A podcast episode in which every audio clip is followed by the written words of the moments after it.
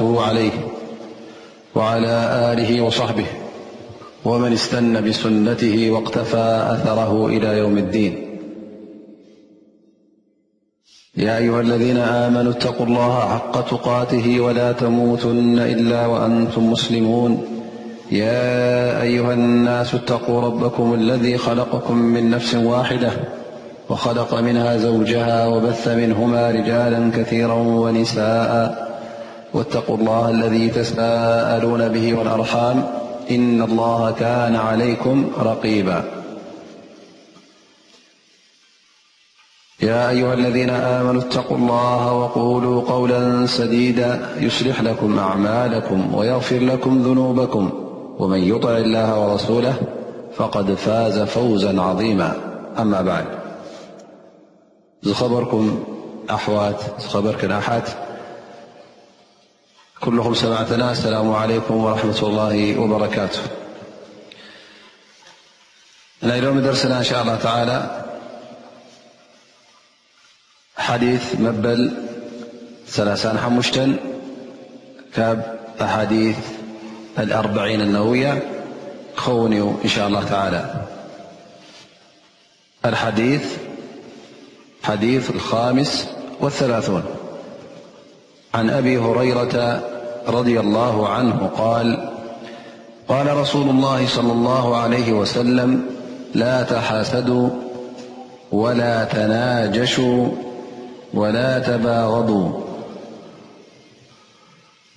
تدابروا ولا يبع بعضكم على بيع بعض وكونوا عباد الله إخوانا امسلمأخ المسلم لا يظلمه ولا يخذله ولا يحقره التقوى ههنا ويشير إلى صدره ثلاث مرات بحسب امرئ من الشر أن يحقر أخاه المسلم كل المسلم على المسلم حرام دمه وماله ورضه رواه مسلم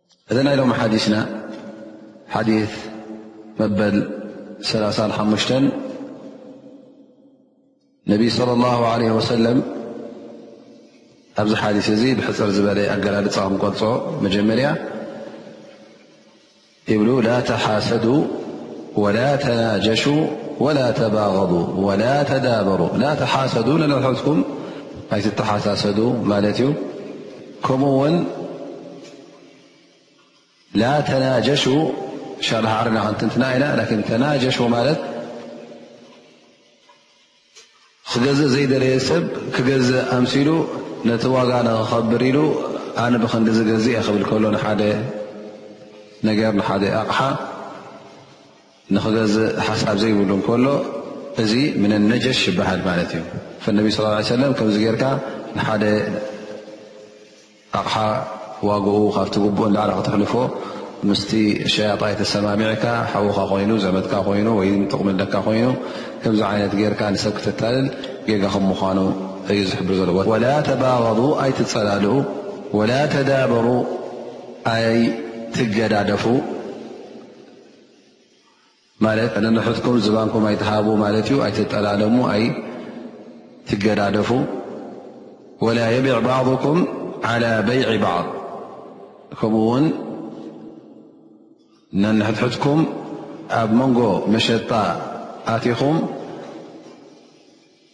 ኣብ ክንዲ ካብ ካልእ ሓውኹም ዝገዝእ ወይ ከኣ ኣብ ክንዲ ናብ ካልእ ዝሸይጥ ባዕልኻ ኣብ መንጎ ገዛኣይን ሸያጣይን ኣቲኻ ንዓይ ሽጠለይ ካባይ ግዛእ ክትብል ከለኻ ማለት እዩ። ጌጋ ከም ምዃኑ ነቢ ስ ሰለ ውን ይሕብሩና ኣለዉ ማለት እዩ ወኩኑ ዕባድ ላ ኢኽዋና ስለዚ ኩላኩም ባሮት ኣላ ኣሕዋት ኩኑ ኢኹም ኣስላማይ ሓዊ እስላማይ እዩ ኣይዕምፆ ኣይጠልሞ ኣይሕስሮ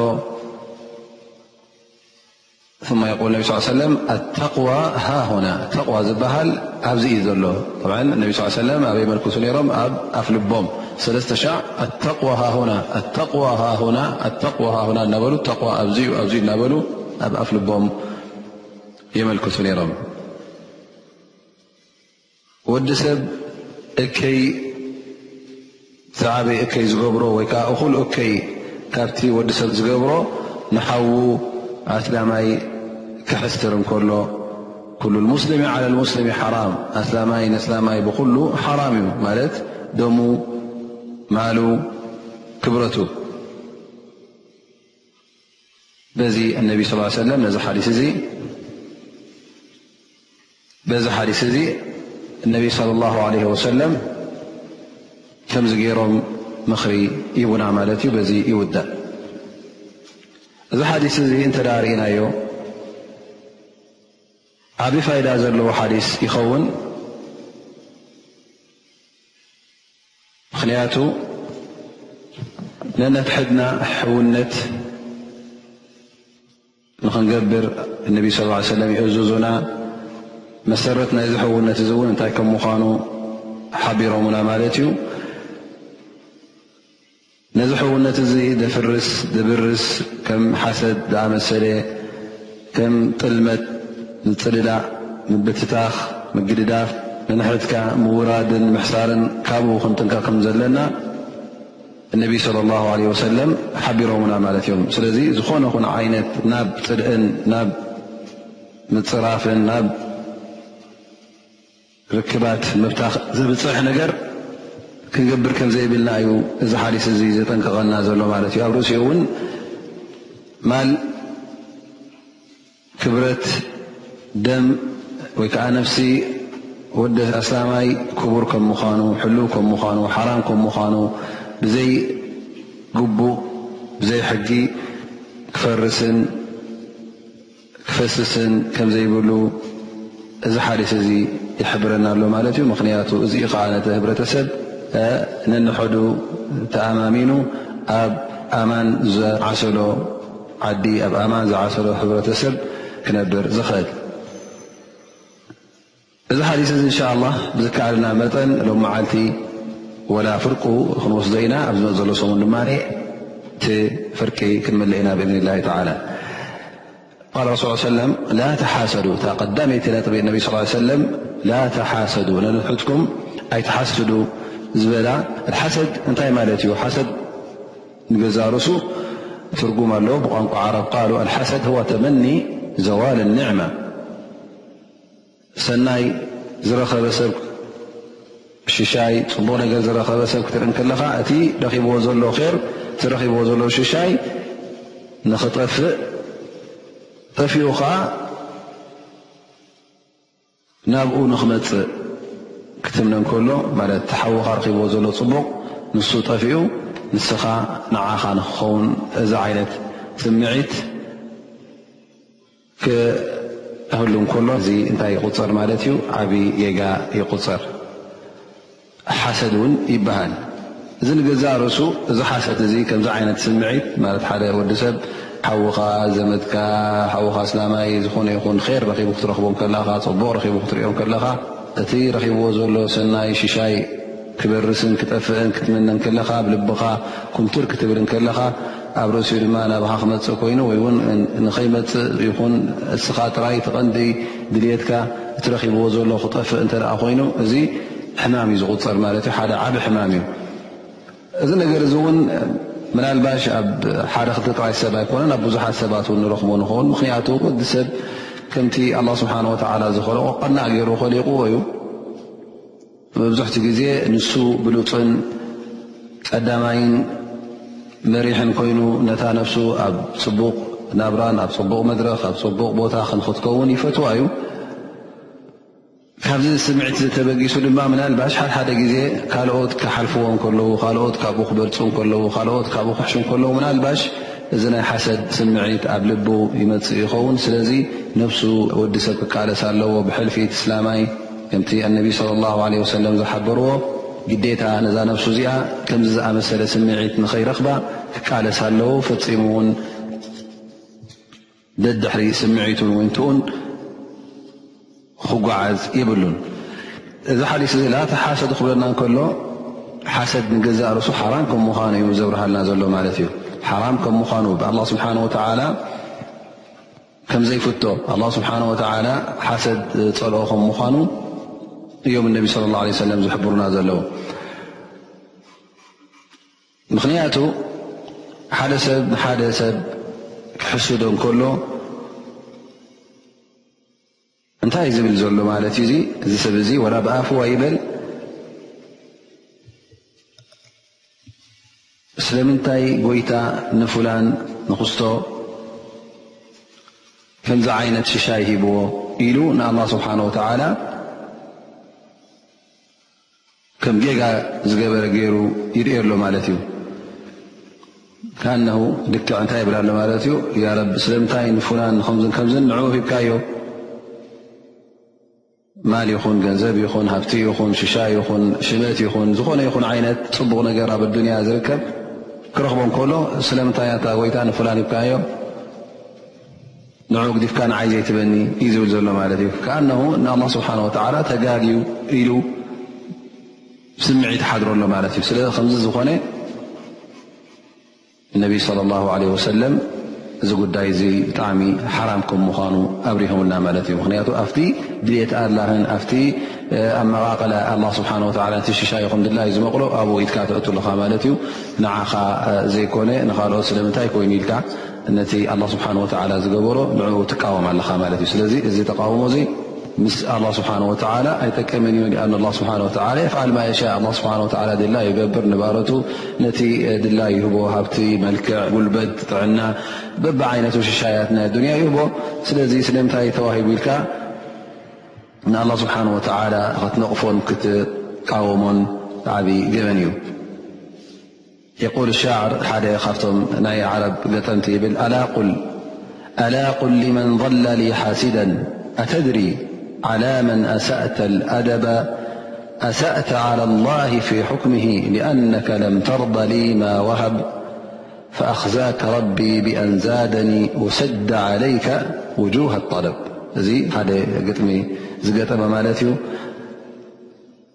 በልዎ ነቲ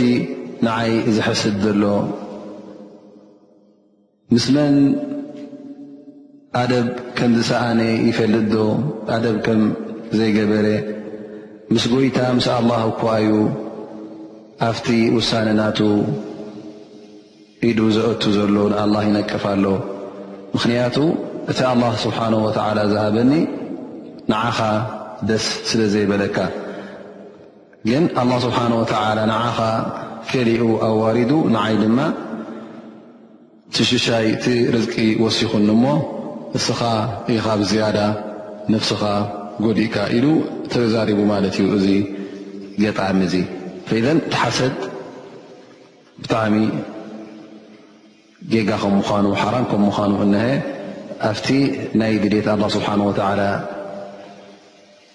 ኢድካ ተእቱ ስለ ዘለኻ ትቃወም ስለ ዘለኻ እዚ ነገር እዚ ክትጥንቀቆ ኣለካ። እቶም ሓሳዳት ድማ ኣብ ሰለስተ ዓይነት ክንመቕሎም ንኽእል ኣብ ኣርባዕተ ዓይነት ምናልባሽ ይምቀሉ። ገለ ካብኣቶም መን እዮም እቶም እቲ ተረኪቡ ዘሎ ኒዕማ ነቲ ዝሓስድዎ ዘለዉ እቲ ሽሻይ ክለግስ እናተመነዩ እንደገና እውን ብዘይ ሕጋዊ መንገዲ ብቃሎም ኮይኑ ብተግባሮም ኮይኑ ነቲ ረኪብዎ ዘሎ ንከግድፍዎ ይቀዳደሙ ንከግድፍዎ ይቀዳደም እዚ ሓደ ዓይነት ካብቶም ሓሳዳት እዩ ማለት እዩ። ትሽሻ ረኺብዎ ዘሎ ስለ ዘቕንኦም እንታይ ገብሩ ማለት እዩ ብዘይ ሕጋዊ መንገዲ ክምንጥልዎን ክሕድግዎን እውን ብተግባሮም ኮይኑ ብቓሎም ኮይኑ ዝፍትኑ ዝቃለሱ እዚኦም ሓደ ዓይነት ካብቶም ሕሳድ እዮም እቶም ካልኣይ ዓይነት ድማ ነቲ ረኺብዎ ዘሎ ሰብ ረኺብዎ ዘሎ ሽሻይ ካብቲ ሰብእቲ ንኽርሕቕ ጠፍእ ብተግባሮም ብቓሎምን ይቃለሱ ግን ብዘየገድስ ናብኦም ይምፃእ ኣይምፃእ ዝሻይ እዙ ኣየገድሶምን እዩ እዚ ድማ ዝኸፍአ ማለት እዩ ወላ ሓንቲ ፋይዳ ዘይብሎም እንከሉ ነብሶም ዝረኽብዎ ጠቕሚ ዘየሎ እንከሎ ጥራይ እታትኒቶም ናይ ሓዎም ናይቲ ብፃዮም ሰናይን ኸይርን ንኽጠፍእ ጥራይ ዝቃለሱ ማለት እዩ ብቃሎም ኮይኑ ብተግባሮም ኮይኖም እሞ ንስኹም እንታይ ክትረኽቡ ኢኹም ፋይዳ እንተበልካዮም እንታይ ተሓተትካዮም ወላ ሓንቲ ጥራይ እቲ ረኺብዎ ዘሎ እዚ ሰብ እዚ ንሱ ጉም ክብል ንሱ ክደኪ ንሱ ክስእኖ ጥራይ እዚኣ ትምኒቶም ድልቶም ኮይና ንዓ ይቃለሱ ማለት እዩ እዚ ከዓ እቲ ዝኸፍአ ማለት እዩ ወላ ጥቕሚ ዘይብሉ እንከሉ ነብሱ ዝረኽቦ ፅቡቕ ነገር ዘየለ እንከለ ዝቃለስ ማለት እዩ ኣለዉ ድማ ካብቶም ሳልሳይ ዓይነት ሕሳድ ንሓዉ ንብፃዩ ክሕስዶም ከሎ በዚ ሓሰዱ እዚ ብተግባርን ብቃልን ዝገብሮ ነገር የለን ወይ ኣብ ልቡ ስምዒት ኣለዎ ማለት እዩ ግን ብተግባር ምንም ኣይርኣየን ስዋእ ብናይ ዓመፅ ኮይኑ ብናይ ካልእ ዓይነት ኮይኑ ንክወስድ ንክዛረብ ኣይተረኸበን። እዚ ሰብ እዚ እንተ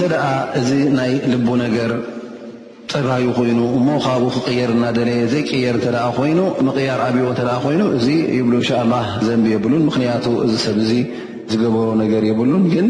እቲ ልቡ እውን ባዕሉ ክመልኮ ስለ ዘይከኣለዩ ዳኣ እምበር ተገዲዱ እዩ ዳኣ እምበር ፈት ይኮነን። ግን ካልኣይ ዓይነት ኣሎ ኣለዉ ሰባት እዚ ሓሰድ እዚ እናሓሰደ እንከሎ ነዚ ነገር እዚ ከም ምርጭኡ ኮይኑ ናብኡ እናቐፀለ ዝኸይድ ንነብሱ ድማ ዘይቆፃፀራ እንታይ ደኣ ሱቕ ኢሉ ቀይዲ በተኽ ይገድፋ ማለት እዩ ከም ድላያ ናይ ሓሰድ ጉዳይ ንኽትሕስድ ንየማን ንፀጋም ግልፅልፅ ንኽትብል ነታ ነብሱ ክገድፋ እንከሎ እዚ ይጋገ ኣሎ ማለት እዩ እቲ ዝገብሮ ዘሎ ድማ ገበን ይኸውን ማለት እዩ ኣለዉ ድማ ገለ ሰባት እንተ ኣብ ነብሶም ከምዚ ዓይነት ዚ ስምዒት ተሰሚዕዎም ናይ ሓሰድ ምናልባሽ ብፃዮም ኮይኑ ሓዎም ኮይኑ ር ረኪቡ ምናልባሽ ኣብቲ ልቦም ቁሩብ እተ ተሰሚዕዎም ነዚ ነገር እዚ ንኸጥፍእዎ ይቃለሱ ማለት እዩ ነዚ ነገር እዚ ንኸጥፍእዎ ነዚ ስምዒት ዝተሰምዖም ንኸጥፍእዎ ይቃለሱ እንታይ ይገብሩ ነቲ ሰብ እቲ ብጽቡቕ ክዝክርዎን ብጽቡቕ ክጠቕስዎን ኣብ ቅድሚ ካልኦት ይርከቡ ሰናይ ክገብርሉ እውን ይርከቡ ማለት እዩ ምክንያቱ ነቲ ስምዒት ኣብ ልቦም ዘሎ ንዕኡ ንኸጥፉ ንኡ ንኸቕህሙ ምእንቲ ነዚ ነገር እዚ ይገብሩ ማለት ስለዚ እዚ ተግባር እዚ እተ ጌርካ ፅቡቕ ይኸውን ማለት እዩ ብሉፅ እዩ ምክንያቱ ምስክር ናይቲ ኣብ ልብኻ ዘሎ ኤሚማን ይኸውን ማለት እዩ ከምቲ ዝበልናዮ ምኽንያቱ ወዲ ሰብ ዘይቀንእ የለን ቀሊኡ ከኣ ጥራይ ቅንዒ ተሰሚዕዎ እሞ ኸዓ ኣብ ልቡ ቁሩብ ምእንቲ ናብ ሓሰድ ንኸይልወጥ እዚ ሰብ እዚ እንታይ ይገብር ማለት እዩ ተጓይዩ ነታ ተሰምዐቶ ልቡ ንዓ ንኸጥፍእ ነቲ ሰብ እቲ ብጽቡቕ እናዘከረ ብጽቡቕ እናጠቐሰ ኣብ ቅድሚ ሰባት ኮይኑ ኣብ ኾነ ይኹን ቦታ ከምኡ ውን ሰናይን ኼርን ክገብረሉ እንተ ተረኺቡ እዚ ነቲ ጉዳይ ተቓሊስዎ ማለት እዩ። ሓሰድ ንገዛእ ርእሱ ኣላ ስብሓን ወተዓላ ክጠቕሶ እንከሎ እዚ ተግባር ናይቶም ክሓቲ ከም ምዃኑ ናይቶም ካብ መገዲ ዝወፁ ከም ምዃኑ ኣላ ስብሓን ወተዓላ ንገዛእ ርእሶም እቶም ኣህለል ክታብ እቲ كم نرم الله سبحانه وتعالى ل ود كثير من أهل الكتاب لو يردونكم من بعد إيمانكم كفارا حسدا من عند أنفسهم من بعد ما تبين لهم الحق እቲ እስላማይ ረኺብዎ ዘሎ ር እቲ ሒዝዎ ዘሎ ናይ ብሓቂ ዲን ነዚ ነገር እዚ ገዲፉ ከም እንደገና ናብቲ ክሕደት ንክምለስ ይቃለሱ ማለት እዩ ምክንያቱ በቲ ሽቡሃት ኮይኑ በቲ ዝዛረብዎ ኣንፃር ዚ እስልምና እዚ ወይ ከዓ በቲ ዝገብርዎ ቃልስታት ምስ ዝኾነ ይኹን ሸነኽ ተሓባቢሮም ነቲ ናይ እስልምና ዳዕዋ ንኸቕህሙ ኣብ ብዙሕ ሃገራት ኣብ ዝተፈላለያ ሃገራት የማን ፀጋም እናበሉ ዝቃለሱ እዚ ክገብሩ እንከለዉ ከዓ ካብ ምንታይ ተበጊሶም እዩ ከማ ቃል ላ ስብሓን ወተላ ሓሰደን ምን ዕንዲ ኣንፉስህም ምን ባዕድ ማ ተበየነ ለሁም ልሓቅ ሓቂ እናፈለጥዋ ከለዉ ግን ብሰንኪ ኣብ ልቦም ዘሎ ሓሰድ ነዚ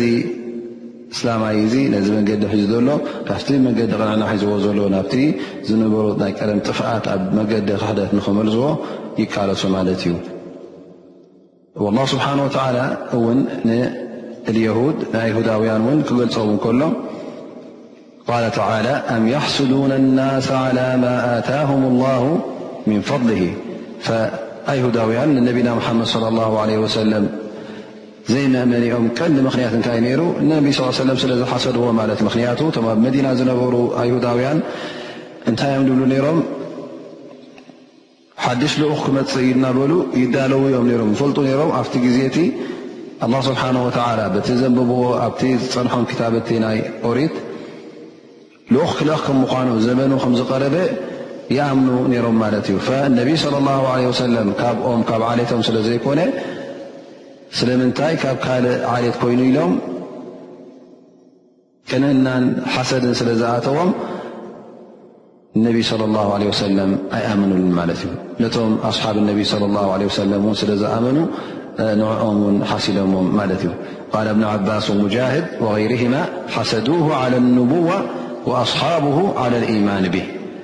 ሓሰዱሁ ኣይ ሓሰዱ ነቢ صለ ላه ለ ሰለም ነቢና ሓመድ ስ ሰለም እታ ንቡዋ ስለ እታ ትንቢት ስለ ዝመፅኣቶ ብሰንካ ሓሲዶ እሞ ነቶም ብፆቶ ነቢ ስለ ላ ሰለም እውን ስለ ዝኣምንሉ ብኣ ሓሲዶሞም ማለት እዩ ሓሰድ እውን ንገዛእ ርእሱ ነቲ ሓያል ምትእስሳር ዝነበረ ነቲ ሓያል ሕውነት ዝነበረ ውን ይበታትኽ ሓሰድ እንተ ተረኺቡ ኩሉ ግዜ መጥፍኢ ናይ ር እዩ መጥፍኢ ናይ ሕውነት እዩ እዚ ኣበይ ንረኽቦ ደቂ ያቆብ ምስ ሓዎም ዩሱፍ እንተ ርኢናዮም እቲ ቐንዲ ንሰይድና ዩሱፍ ኣብ ናይ ምሻጥን ኣብ ናይ ማእሰርትን ኣብ ናይ ውርደትን ኣብ ብዙሕ ሽግራትን ዘውደቖ ነቢና ዩሱፍ ዓለ ሰላም እቲ ቐንዲ እንታይ እዩ ነይሩ?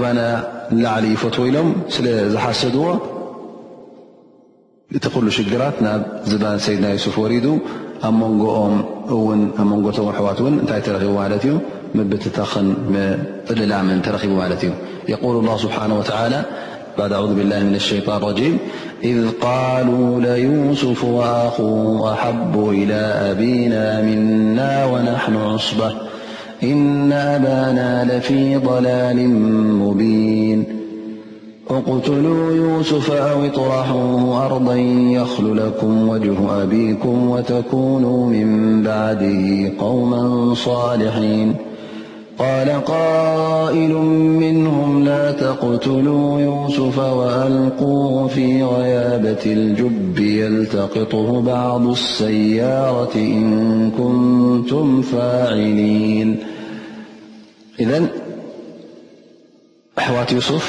እት ቃሉ ለዩሱፍ ወኣኹሁ ኣሓቡ ኢላ ኣቢና ምና ዩሱፍ ከምኡ ውን ካልኣይ ሓዉ ነይሩ ብዝያዳ ኣቦና ንዕኦም እፈቱ ንሕና ብዙሓት እንከለና ኣቦና ኣብዛ ጉዳይ እዚኣ ንዓና ዘሊሙና ኢሎም እንታይ ተሰሚዕዎም ማለት እዩ ሕጂ ሓሰብ ተሰሚዕዎም ማለት እዩ ሕጂ እንታይ ክገብሩ ጀሚሮም ገሊኦም ንቕተሎ ንኽብሉ ገሊኦም ማ ነጥፋዮ ገሊኦም ንደርብዮ ንኻብ ዓዲ ነርሕቆ ክብሉ ተረኺቦም ማለት እዩ። እዚ ኩሉ እንታይ እቲ ኣብዚ ጥልመት እዚ ኣብዚ ምብትታኽ እዚ ዘብፅሐ ሓሰድ ስለ ተረኸበ ማለት እዩ። ንገዛእ ርእሱ ኣብቲ ታሪክ ናይ ነብላህ ኣደም ዓለ ሰላም እውን ክንርኢ ከለና እቶም ክልተ ደቁ ሓዲኦም ነቲ ካልኣይ ክቐትሎ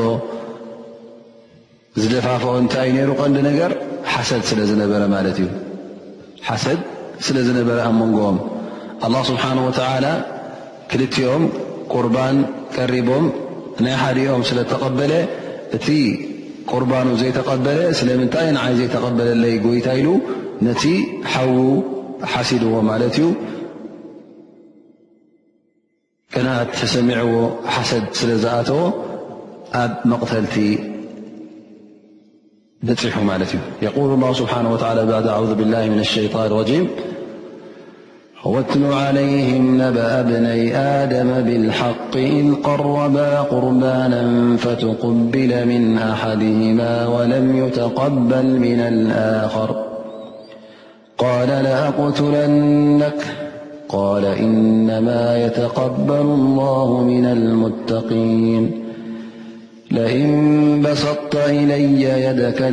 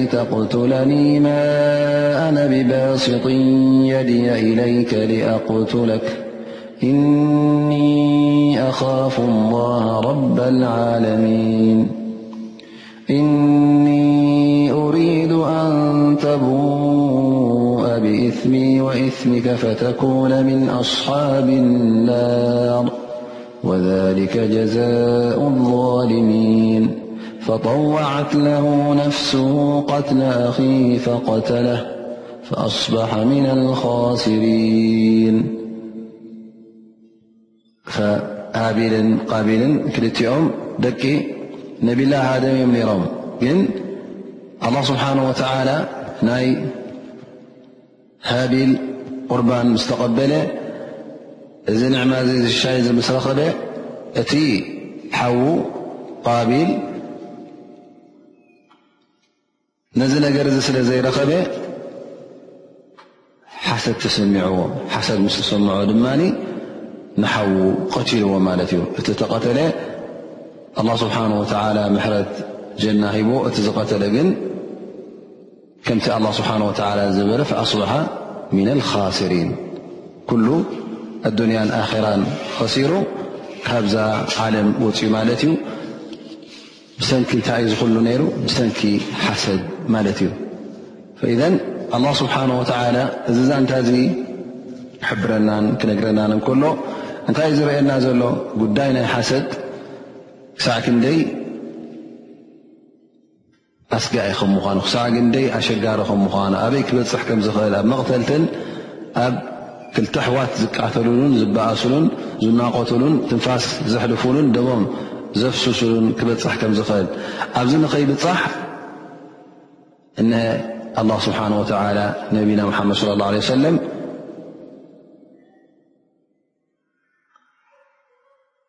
የጠንቅቑና ኣለዉ ማለት እዩ ሓሰድ ኩሉ ግዜ ኼር የብሉን ኣብ መንጎ ደቂ ሰብ ዘሎ ርክባት ይበታትኽ ንኣሕዋት የባእስ ፅልእን ምንቋትን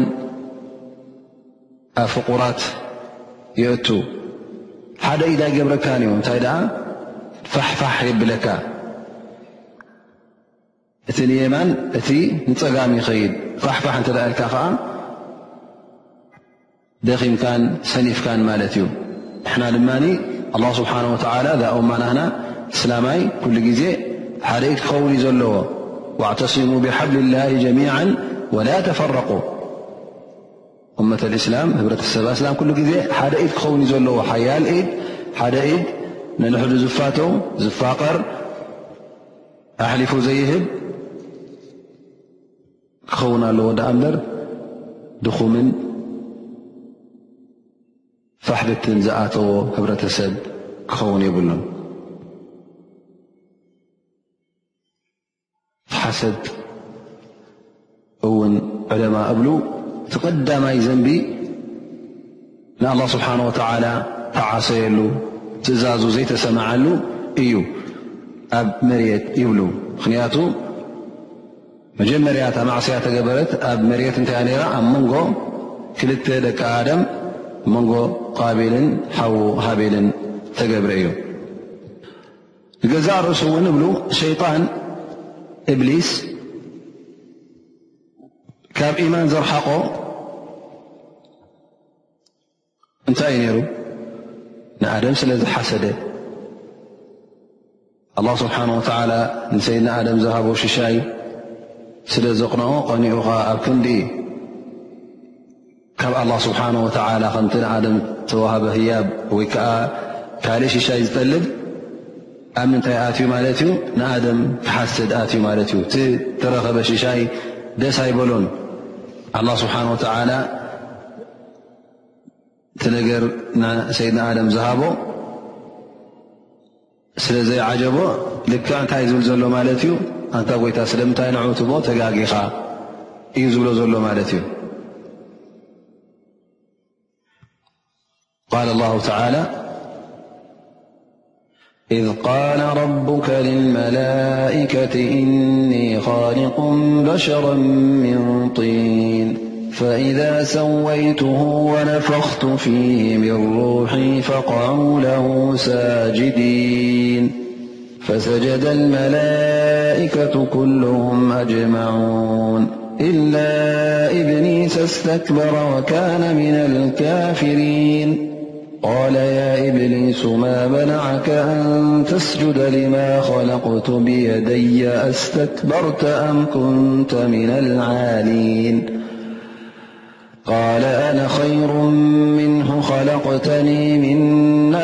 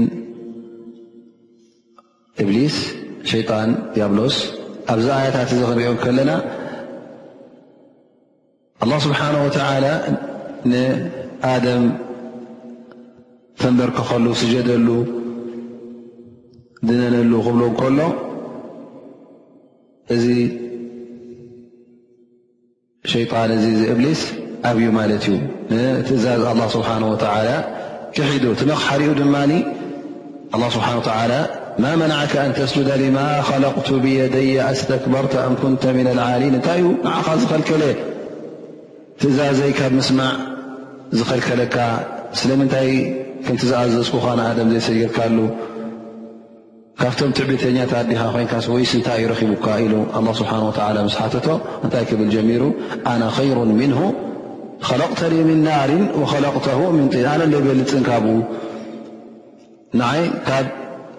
ሓዊ ፈጢርካኒ ካብ እሳት ንዑ ከዓ ካብ ጭቃ ኢኻ ፈጢርካዮ እሞ ኣነ እንደ ይበልፅን ስለምንታይ ኣነ ዝሰግደሉ ስለምንታይ ዩ ማለት እሱ ኣነ ክስገደኒ ዝግባእ ይብል ዘሎ ማለት እዩ ሕጂ እሱ እንታይ ማለት እዩ ከምቲ ንኣደም ተረኸበ ሽሻይ ንዑ ደልዎ ማለት እዩ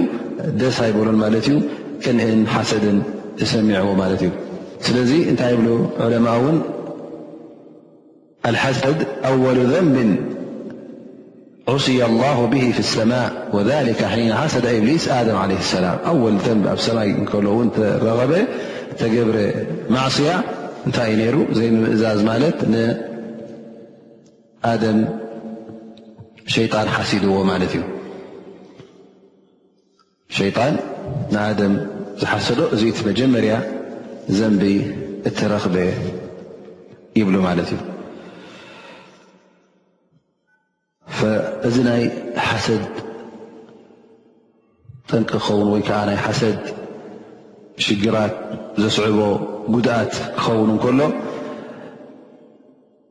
እንተ ልብኻ ካብ ሓሰድ ነጺሁን ጸርዩን ድማ ብልጫኻ ጀና እዩ ዓስብኻ ጀና እዩ ነዚ ነገር እዚ ዝያዳ ዘብርህ ሓደ ሓዲት ክንጠቅስ ኢና እዚ ሓዲት እዚ ዓብ ፋይዳ ኣለዎ እዚ ሓዲስ እዚ ብጣዕሚ ኣገዳሲ ዝኾነ ሓዲት እዩ ነቲ ሎም መዓልቲ ንዛረቡ ነበርና እውን ፅቡቕ መደምደምታ ዝኾነ ማለት እዩ ነቲ ናይ ሓሰት ጉዳይ ኣብ ክሕደት እውን ዘብፅሕ ከም ምዃኑ ምስ ጠቐስና እንተ ሓሰት ዘይብልካ ልብኻ ንፁህ እተ ኮይኑ ንሕዋትካ ስላም ንሕዋትካ ውን ንብፆትካ ር ሰናይ ትፈትወሎም እተ ኮይንካ ድማ ናብ ጀና ከምፀብፅሓካ ዝሕብር ማለት እዩ እዚ ሓዲት እዚ ይብል ሓደ ግዜ ኣነስ እብኒ ማሊክ ምስ ነቢ ስለ ላሁ ዓለ ወሰለም ኣብ መስጊድ ኮፍ ኢልና ከለና ነቢ ስ ሰለም ደርሲ ናሃበና ማለት እዩ እናተምሃርና ኣስተምህሮና ውሰድና እናዓለልና ከለና እንታይ ይብለና ረሱል ስለ ላሁ ለ ወሰለም ሕጂ ሓደ ሰብኣይ ክመፀኩም እዩ እዚ ሰብኣይ እዚ ድማ ካብ ኣህልል ጀና እዩ ካብቶም ንጀና ዝኣትዉ እዮም ብ እዛ ነገር እዚኣ ዓባይ ምስራት እያ መቸም ሕጂ መን ድኣ ኸውን ኢሎም ኩሎም ገፆም ናፍቲ ኣፍ ደገ ገይሮሞ ማለት እዩ ይብል ፈጠላዓ ረጅሉ ምን ኣንሳር ሓደ ካብቶም ኣንሳር ሓደ ሰብኣይ መፅኡ ይኣት ይብል ማለት እዩ ክኣት ከሎ ካብ ጭሕሙ ማይ ውድእ ስለ ዝገበረ ሸ ሸዓ መስጊድ ስለ ዝኣተወ ካብ ጭሕሙ ማይ እናነጠበ ናይ ውዱእ ይኣት ማለት እዩ ጫምኡ እውን ፀጋማ ኢዱ ኣንጠልጢሉ ይኣት ንጽባሒቱ እውን ምስ ነቢ ስ ሰለም ኮፍ ኢልና ከለና መስጊድ እነቢ ስለ ላ ለ ወሰለም ልክዕ ከምታ ናይ ትማሊ እንሆ ሕጂ ሓደ ካብቶም ሰብ ጀና ክኣቱ ዩ ይብለና ነቢ ስለ ላ ለ ሰለም ልክዕ ከምታ ናይ ትማሊ ድማ ግልፅ ኢልና ትፀበና ድማ እዚ ሰብኣይ እዚ ከምታ ናይ ትማሊ እተኣታትዋናቱ ገጹን ጭሕሙን ማይ ጥብጥብ እናበለ ይኣቱ ማለት እዩ ውዱእ ገይሩ ንመስጊድ ክኣቱ እንከሎ ማለት እዩ ሳልሳይ መዓልቲ እውን ኮፍ ኢልና ከላ ከም እነቢ ስለ ላ ሰለም ተዛሪቡና ማለት እዩ እነሀሎም መዓልቲ እውን ካብ ኣህልል ጀና ካብቶም ሰብ ጀና ክኣትዩ ሓደ ኢሎም እነቢ ስ ሰለም ንሱ እቲ ሰብኣይ ድማ ትትማልን ብቕትማልን ዝመፅእ ንሱ ኮይኑ ከምታ ቀዳመይቲ መዓልቲ ዝመፃ ልክዕ ናይ ውዱእ ማይ ጥብጥብ እናበለ ካብ ገፁን ካብ ጭሕሙ ማለት መፅኡ ማለት እዩ እዚ ነገር እዚ ምስ ሰምዑ ቶም ኣስሓብ ነቢ ስ ሰለም ቶም ኮፍ ኢሎም ነበሩ ሓደ ካብኦም ዓብዱላ ብኒ ዓምር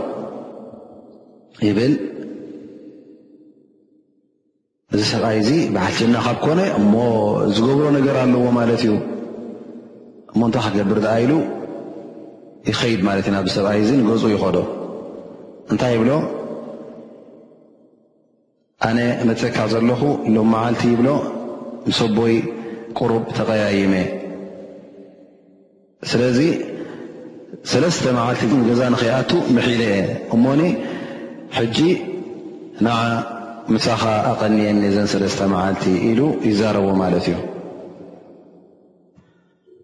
ኣብሽር ይብሎ ንዓ እንታይ ሰለስተ መዓልቲ ንዓኻ ዘይኮነ ንመን ክኸውን ንዓ ይብሎ ምስ ይቕድኒ ማለት እዩ ዓብዱላህ ብን ዓምር ይብል እዘን ሰለስተ መዓልቲ ምስ ኣሕሊፈየን ግን ወላ ሓንቲ ይረኣኹን ሰላተ ለየል ለይቲ ተሲኡ ክሰግድ ገለሜታት ፅበ ነይረሞኒ ቁሊሕ ተበልኩ ኣይረኣኹን ለይቲ ክግምጠል እንከሎ ምናልባሽ ካብቲ ድቃስ እንተ ተበራቢሩ ካብ የማን ንፀጋም ካብ ፀጋም ንየማን ግምጠል እተ ኮይኑ የذኩሩ ላ ስብሓ ወላ ን ስብሓ ኣክበር ይብል ላላ ላ ስብሓ ላ ይብል ክሳዕ ግዜ ፈጅሪ ዝኸውን ፈጅሪ ምስ ኮነ ላስ ከም ሰብኡ ይትሰ ከም መልሓሱ ድማ ሕማቕ ነገር ኣይሰማዕኩ ኩሉ ግዜ ር ክዛረብ ጥራይ ዝሰምዖ ሰለስተ መዓልቲ ተፀብየ ሰለስተ መዓልቲ ኩለን ተወዲኤን ላ ሰብኣይ ዛበለ ሓንቲ የብሉ ሓንቲ ይገብር ና ንሰጉ ዝበዝሑ ኸውን ወይ ከዓ ፍላን በዓል ፍላን ዝገብርዎ ዶ ይበዝሃ ከመይ ገይሩ ኣረሱ ሰለም ዝስ ካብቶም ኣህሊ ጀና እዩ ዝበለና እንታይ ደኣ ገይሩ እዩ ማለት እዩ ኢሉ ምስ ልቡ ምስ ነብሱ ተዛሪቡ ማለት እዩ ሰለስተ መዓልቲ ምስ ተወድኣ ንሓንቲ ነገር ኣይረኣየን ሓድሽ ነገር ዝረኣዮ ስለ ዘይብሉ ይብሉ ዓብደላ ኣንታ ሓወይ ኣንታ ዓብደላ ኣነ ኣብ መንጎ እይን ኣብ መንጎ ኣቦይን ባእሲ ነበረ ወላ ፅልኢ ነበረ ኣነ ውን ገዛ ገዲፈን ስለስተ መዓልቲ ምሕለ ዝበልኩካ ዝነገር እዚ ሓቂ ኣይኮነን ግን ኣነ ዘምጽኣኒ ቀንዲ ነገር ነቢ صለ ላه ለ ወሰለም ሰለስተ ሻዕ ኣብ ምስኦም ኮፍ ኢልና ከለና ሎም መዓልቲ እነህበዛ ኣፍ ደገ እዚኣ ካብ ኣህሊ ልጀና ሓደ ክመፃኩም ኢሉና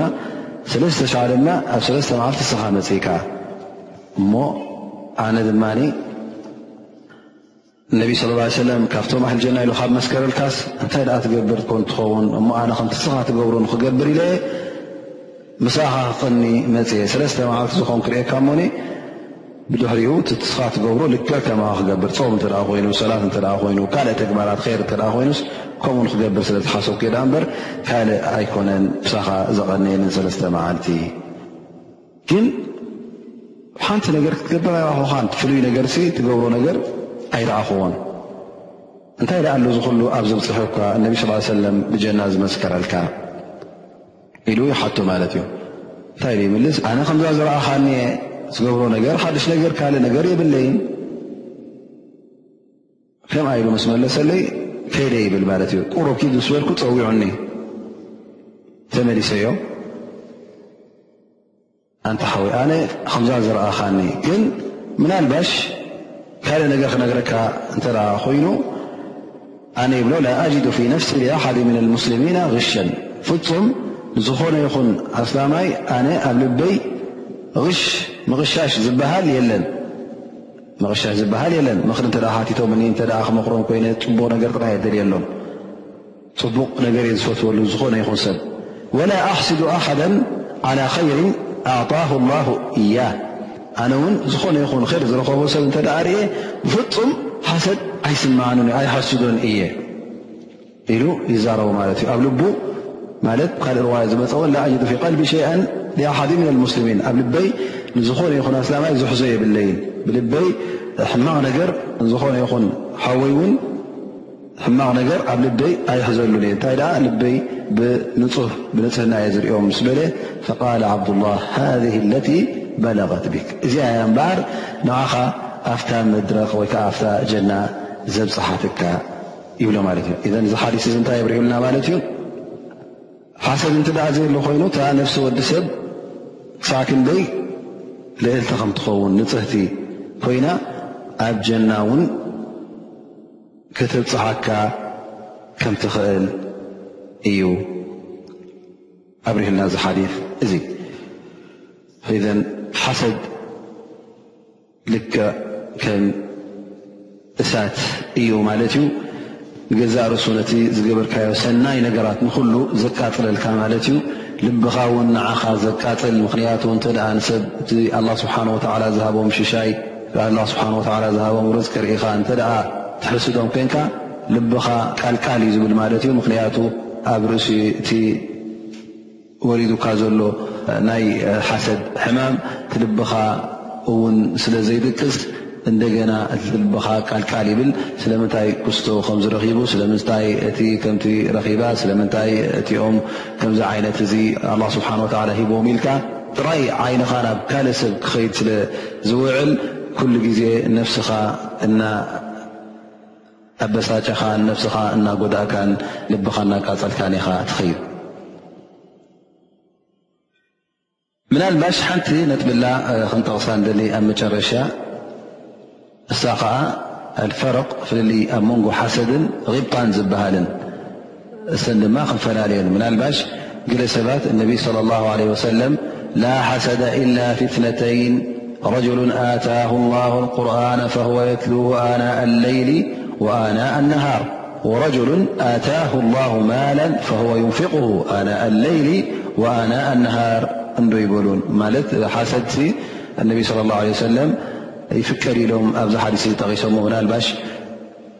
ዝብል ሰብ እተ ክርከብ ኮይኑ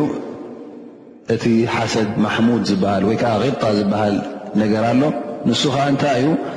እንተ ሓደ ሰብ ኣላ ስብሓን ወተላ ር ሰናይ ሂብዎ እሞ ንስኻ ከምቲ ነዚ ሰብ እዚ ኣ ስብሓ ወላ ዝሃቦ ሰናይን ሽሻይን ርሲ ንዓይ ይሃበኒ ኢልካ ተመኒኻ ካብ ኣላ ስብሓን ወተላ ክትጠልቦ ከለኻ እቲ ሓውኻ ረኺብዎ ዘሎ ሽሻይ ድማ ክቕፅለሉን ክምልኣሉን ኣላ ስብሓን ወተዓላ እናደለኻ እንተ ኮይኑ እዚ ሕጂ እንታይ ይኸውን ማለት እዩ ሓሰድ ማሕሙድ ኣው መሽሩዕ ንበሎ ኣው ቂብጣ ይስመ ማለት እዩ ነቢ ስ ሰለም ላ ሓሰዳ ኢላ ፊ ፍነተይን ማለት እቲ ዝፍቀድ ማለት እዩ ከም ሓሰድ ማሕሙድ ፍቁድ ሓሰድ ወይ ከዓ ቂብጣ ዝበሃል እንተ ቅንኢ ክንብሎ እተ ኮይና ሓደ ሰብ ኣላህ ስብሓን ወተዓላ ዕልምን ቁርኣንን ሂብዎ እሞ ነዚ ዝሃቦ ዕልሚ ነዚ ዝሃቦ ቁርን ክቐርኣሉን ክገብረሉን ከተግብሮን ክቐርኦን ለይትን መዓልትን እንተ ደኣ ተረኺቡ እሞ ኣላ ስብሓን ወተዓላ ከምኡ ግበረኒ ኢልካ ከምዚ ሰብ እዙ ከምዚ ቁርን ዝሓፍዝ ከምዚ ዕልሚ ዘለዎ ሰብ እሞ ንዑ ተዓሊሙ ነብሱ ጠቒሙ ንካልኦ ዝጠቅም ይግበረኒ ኢልካ እንተ ክትምነ ኮይንካ እዚ ፍቁድ ማለት እዩ ወይ ውን ኣላ ስብሓን ወተላ ሓደ ሰብ ገንዘብ ማል ሂብዎ ሽሻይ ሃብቲ ሂብዎ እሞ እዚ ሰብ እዚ ንካልእ ሰብ ንድኻታት ንዘኽታማት ንስኡናት እናዓንገለን እናሓገዘን ለይትን መዓልትን ገንዘቡ ኣብ ር ኣብ ሰናይ ዘጥፍእ ክኸውን እንከሎ እሞ ንስኻ ኸዓ ልክዕ ኣምታ ረቢ ከምዚ ሰብኣይ እዚ ከምዚ ሃብታም እዚ ከምዚ ዲታ እዚ ግበረኒ ኣነ እውን ልክዕ ከምኡ እቲ ገንዘብ ሊላ ኢለ ኣብ መዓላ ኣብ ር ኣብ ሰናይ ኣብ ግብረ ሰናይ ኣብ ንዘኽታምን ንድኻን ምጥቃምን ከጥፎ ገንዘበይ ለይትን መዓልትን ከምኡ ግበርኒካ ተመኒኻ ድማ እዚ ድማ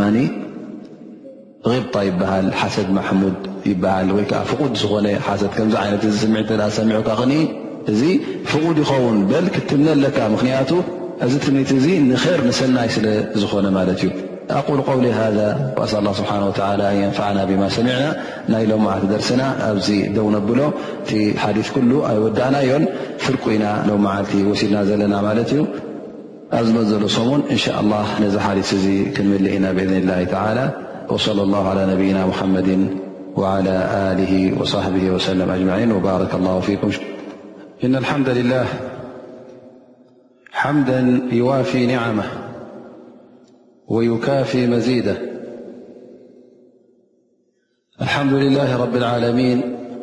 قيوم السماوات والأرضين مدبر الخلائق أجمعين والصلاة والسلام على المبعوث رحمة للعالمين إمام المتقين وقائد الغر المحجلين محمد بن عبد الله وعلى آله وصحبه ومن والاه يا أيها الذين آمنوا اتقوا الله حق تقاته ولا تموتن إلا وأنتم مسلمون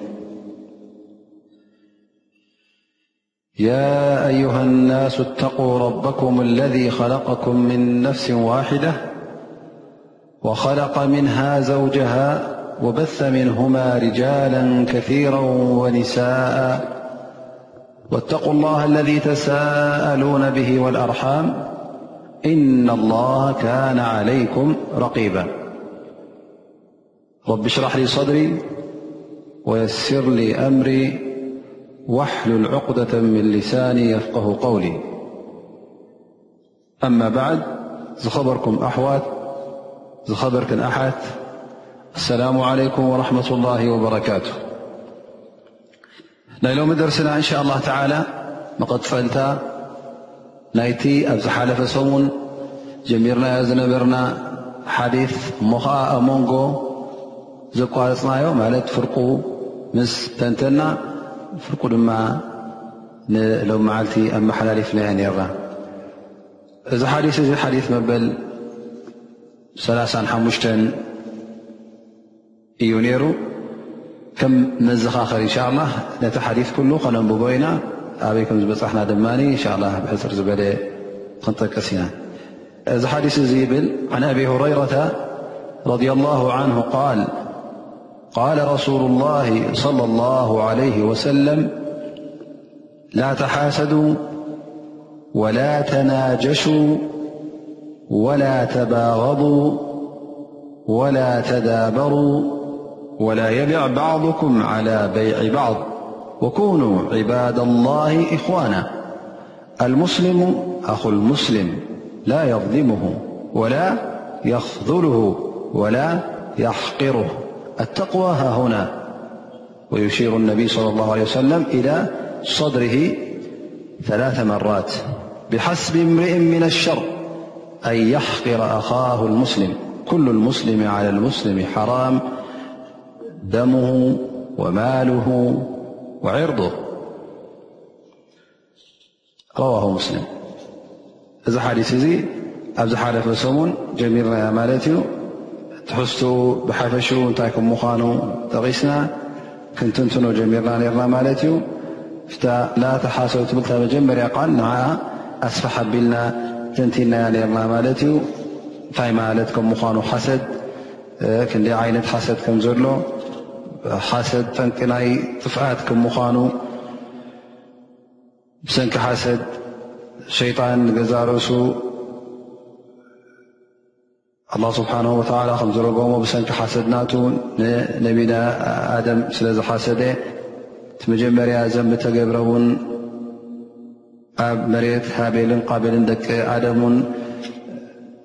ብሰንኪ ሓሰት ከም ዝነበረ ስለዚ ካብ ሓሰት ክንርሓ ከም ዘለና ነዚ ጉዳይ እዚ ዘብርህ ብዝያዳ ኣያታት ይኹን ናይ ታሪኽ ነጥብታት ጠቒስና ነርና ሎም መዓልቲ እንሻ ላ ካብ ወላ ተናጀሹ ትብል ቃል ካብኣ ክንጅምር ኢና ኣልነጀሽ ኣብ ዝሓለፈ ሰሙን እውን ብዛዕባኡ እውን ጠቒስና ነርና ግን ከምቲ ግቡእ ኣብ ዝያዶ ስለ ዝበልና ኣብ ወላ ተናጀሹ ካብኣ ክንጀምር ኢና ማለት እዩ ወላ ተናጀሹ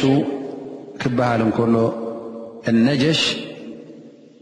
ብቋንቋ ዓረብ ዕለማ ኣብዛ ሓሊት እዚኣ ክፍሰዋ ከለዉ ጨረታ ክግበር እንከሎ ኣብ ዕዳጋ ወሪዳታ ኣቕሓ ሸያጣይ መፂኡ ጨረታ እናገበረ ከሎ እዚኣ ኣቕሓ እዚኣ ማኪና ትኹን ወላ ውን እንስሳ ትኹን ወላ ዝኾነ ትኹን ዓይነት ንመሸጣ ዝቐረበ ንዕዳጋ ዝቐረበ ክኸውን እንከሎ ሕጂ እቶም እትገዝኡ ኣነ ብዓሰርተ ገዝእ እቲ ድማ ዓሰርተ ሓደ ዓሰርተ ክልተ እናበሉ ክሳዕ ኣብታ ዋጋ ዝደልያ እቲ ሸያጣይ ኣብ መጨረሻ ይሸይጥ ማለት እዩ ሕጂ ኣብ መንጎ ኣትዩ ሓደ እና ከምዚ እናተኻየደ ከሎ ጨረታ ንኽገዝእ ድልት ዘይብሉ እንከሎ ንያ ዘይብሉ ከሎ ንኽገዝእ ሱቕ ኢሉ ዋጋ ክውስኽ እንከሎ እዚ ሰብ እዚ ወይ ምስቲ ሸያጣይ ተሰማሚዑ ክኸውን ኣለዎ ምእንቲ እታ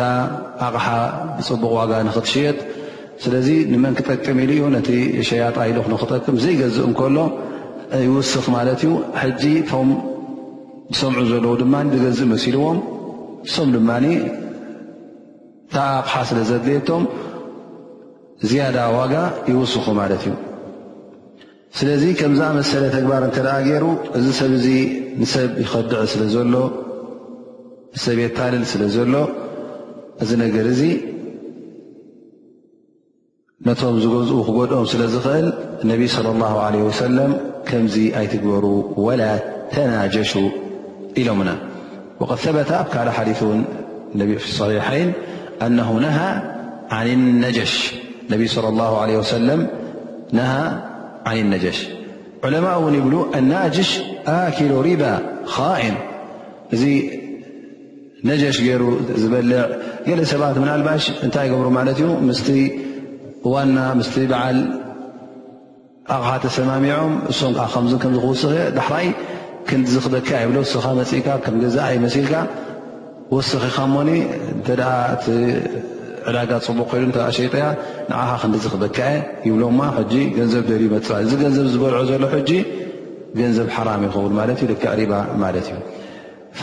እዚ ዓቢ ማዕስያ ከም ምዃኑ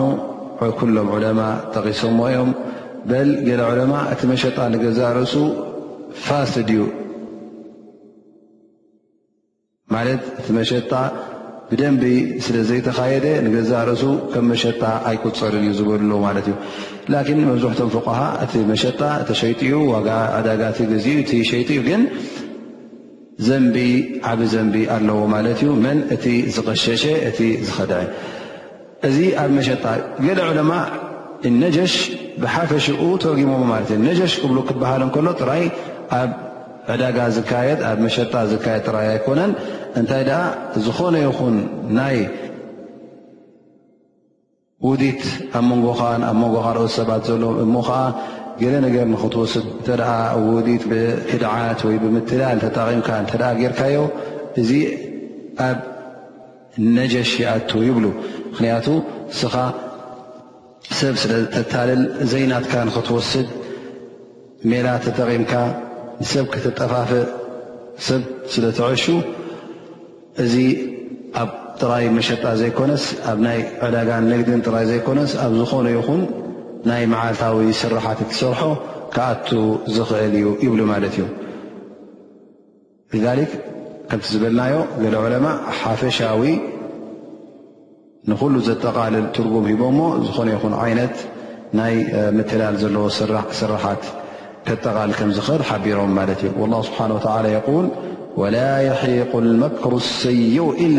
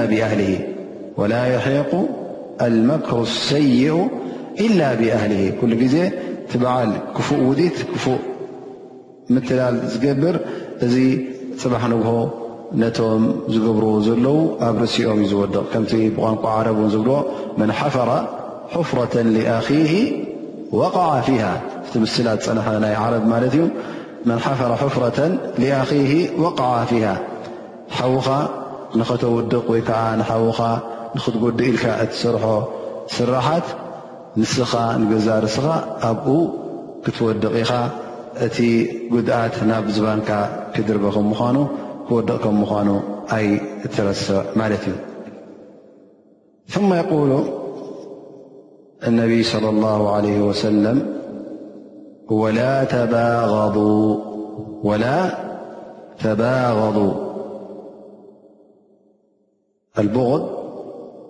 ፅልኢ ማለት እዩ ተባغض ማዕናሃ ነነብሕትኩም ኣይትፀላልኡ ኣብ ፅልኢ ዘብፅሕ ተግባር ኣይትግበሩ ምኽንያቱ ፅልኢ ኣንፃር ፍቕሪ ስለ ዝኾነ ንፅልኢ ዘምፅእ ስራሓ እተ ሰሪሕካ ንፍቕርን ሕውነትን ተርሕቕ ስለ ዘለኻ ስለዚ ፍፁም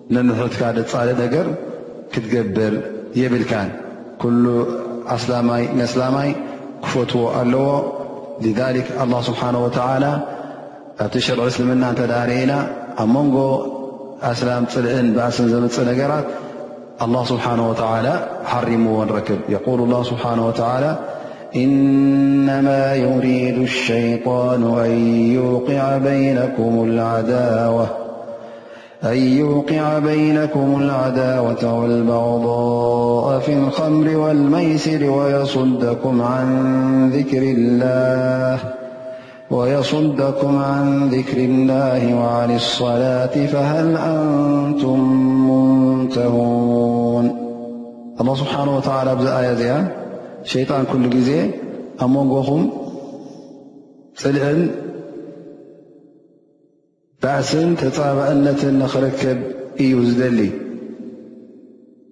ብመስተን ብቑማርን ምኽንያቱ መስተ ዝሰቲ ሰብ ኩሉ ግዜ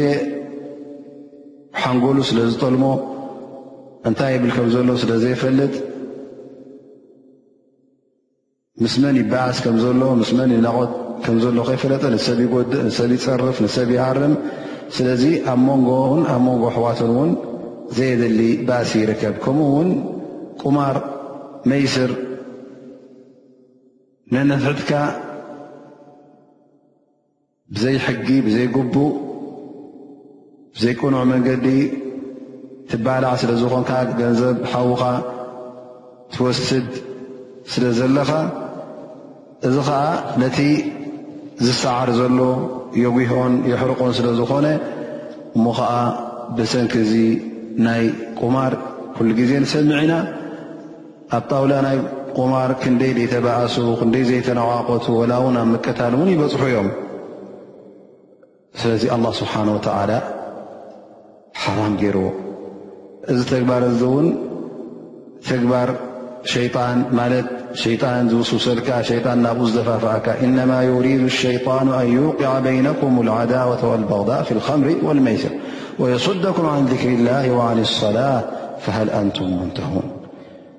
እዘን ኣላ ስብሓን ወተዓላ ነንሕድና ዘባእሰናን ዘናቑተናን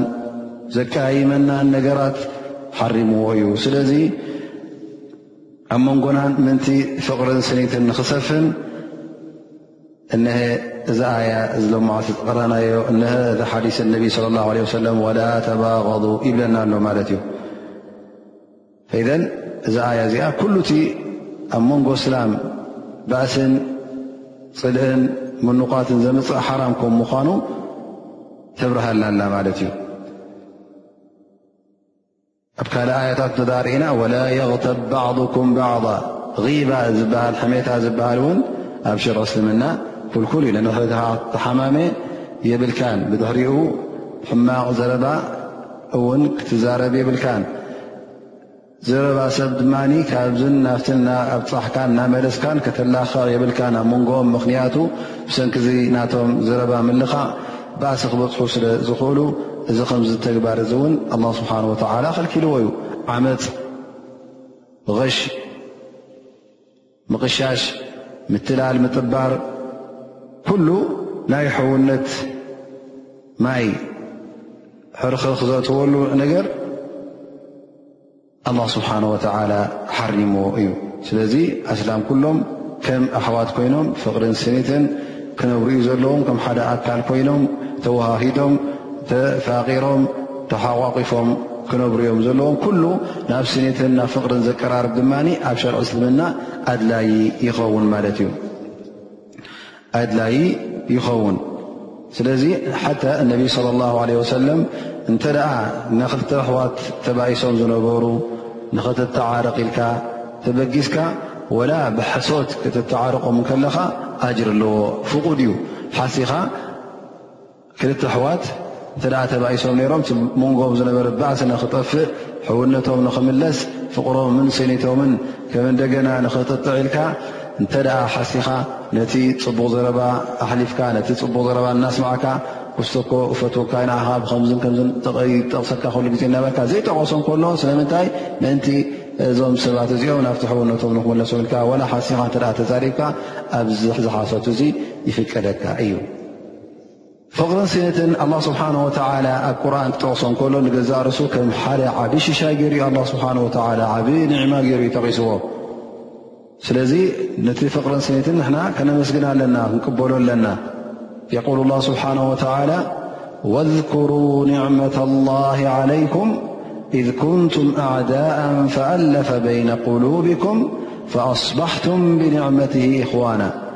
ፈኣስባሕቱም ብኒዕመትሂ እኽዋና ነቢ ስለ ላሁ ለ ወሰለም ዝያዳ ንመዲና ምስ ከዱ እቶም ኣብ መዲና ዝቕመጡ ዝነበሩ ክልተ ዓበይቲ ቀቢላ ኦሱ ከዘረጅ ዝበሃላ ናይ ዓረብ ቀቢላ ብኡ ዝነበራ ኣብ መንጎአን ፍፁም ስኒት ኣይነበረን ኩሉ ግዜ ባእስን ኩናትን እዩ ነይሩ ግን ነቢዪ ስለ ላሁ ለ ወሰለም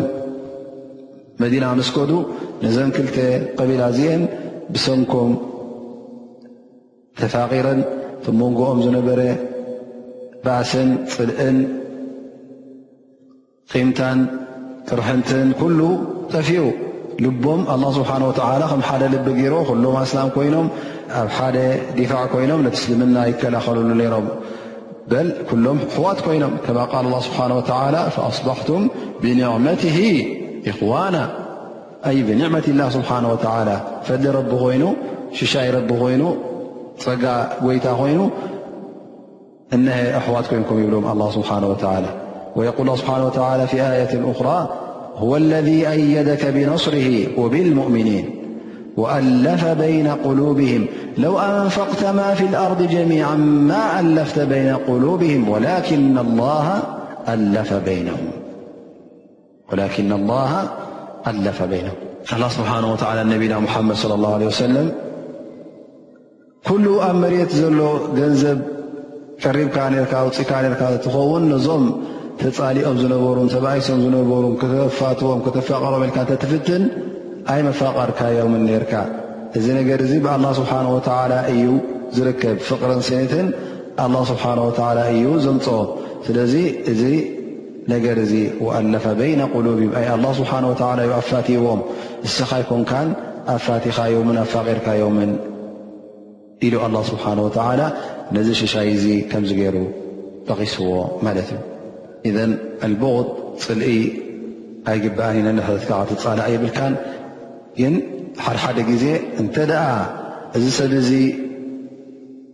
ካብ መገዲ ኢማን ዝወፀ ማዕስያ ዝገብር እንተ ኮይኑ ወይ ከዓ ንኣላ ስብሓን ወተዓላ ፀልእ ተፃባኢ ናይ ኣላ ተፃባኢ ናይ ረሱል እንተ ኮይኑ እዚ ብዚ ክፀልኦ ኣለካ ክንዲቲ ክፍኣት ናቱ ክንዲቲ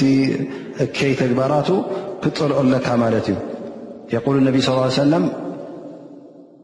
من أحب لله وأبغض لله وأعطى لله ومنع لله فقد استكمل الإيمان رواه البخاري ندنا قال صلى الله عليه وسلم من أحب لله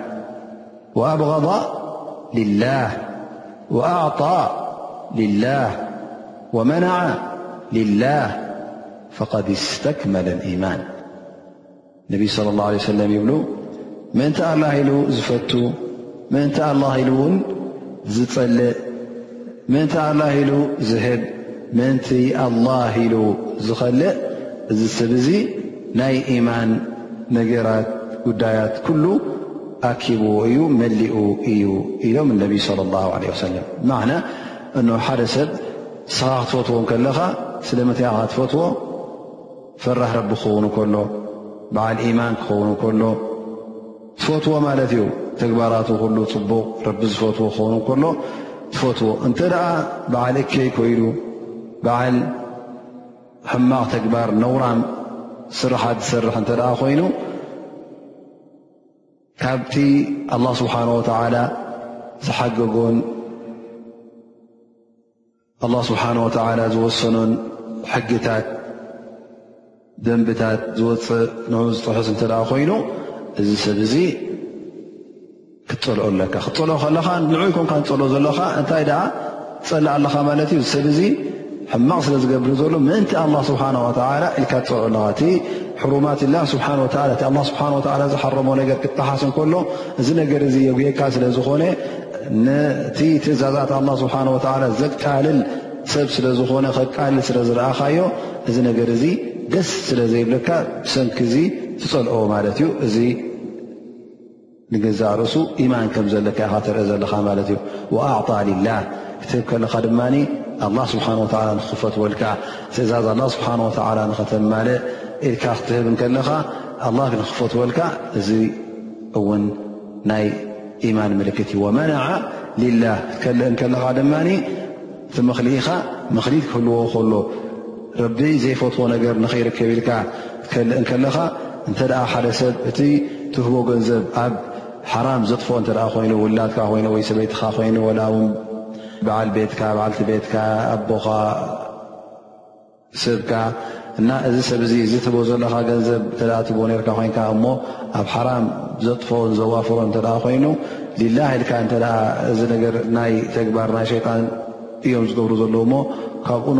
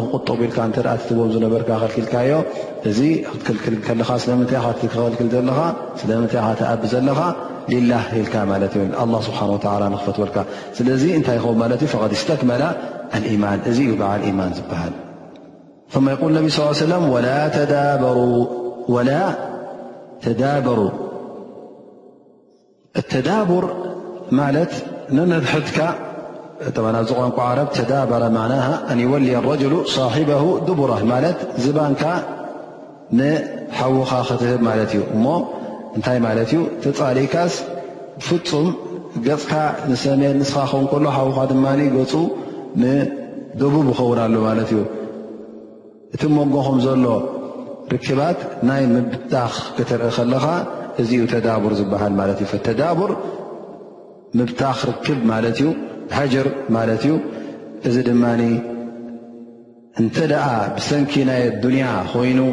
ማለት ስለ ዘየለቀሓኒ ዶ ስለ ዘይበጽሓኒ ሰላም ኣይበለንን ረጊጹና ሓሊፉ ኢልካ ከም ዝኣመሰለ ናይ ኣዱንያ ነገር እንተ ኮይኑ ላ የሕል እዚ ነገር እዚ ኣይፍቀድን እዩ በዚ ነገር እዚ ክትጻላእ የብልካን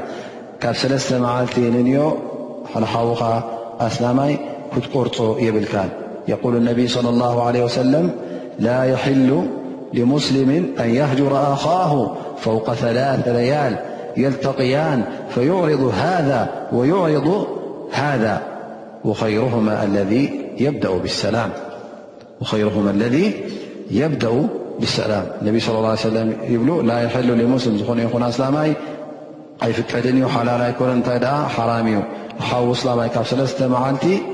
ክቆርፆ የብሉን ማለት ርክቡ ክቆርፆ የብሉን ኣብ መንገዲ ተራኺቦም እቲ ንንዮ ገፁ ገብር እቲ ከዓ ንንዮ ገፁ ገብር ተረጋጊፆም ይሓልፉ እዚ ነገር እዚ ሓራም እዩ ኣይፍቀድን እዩ እቲ ዝበለፀ ካብኣቶም ድማ እቲ ብሰላም ዝጅምር እዩ ምናልባሽ ክልተ እንድሕር ተባኢሶም ነሮም ኮይኖም ኣነ ዶ መጀመርያ ሰላም ክብሎ እየ ኣቢ እሱ ድማ ንነህልካ ደኣሲ ኣነ ዶ ክጅምር እየ ባዕሉ ፈለጥስቲ ተዘልዩ ሰላም ይበለኒ እምበር ኣነስ ሰላም ኢለይ ጅምሮን እየ ኢሉ ብትዕቢት ወይ ከዓ ኒሕታ ሒዝዎ ክኣብ እንከሎ እነቢ ስ ሰለም ይብል እቲ መጀመርያ ሰላም ዝብል እሱ እዩ እቲ ዝበለፀ እቲ ናይ ባእሲ ዝነበረ ንዕኡ ሴሩ ነቲ ቁጣዓ ዝነበረ ንዕኡ ረጊጹ ሰላም ዝብል እዚ ሰብ እዚ እሱ እቲ ዝበለፀ ይብሉ ነቢይ ለ ላ ለ ወሰለም ግን እንተ እቲ ሃጅር ወይ ከዓ እቲ ምቁራፅ ርክባት ብሰንኪ ናይ ዲን እንተ ኮይኑ ወላ ካብ ሰለስተ መዓልቲ ንላዕሊ እውን ክኸውን ይኽእል እዩ ከምቲ ዑለማ ዝበልዎ ማም ኣሕመድ ይኹን ካልኦት ዑለማ ምክንያቱ ብምንታይ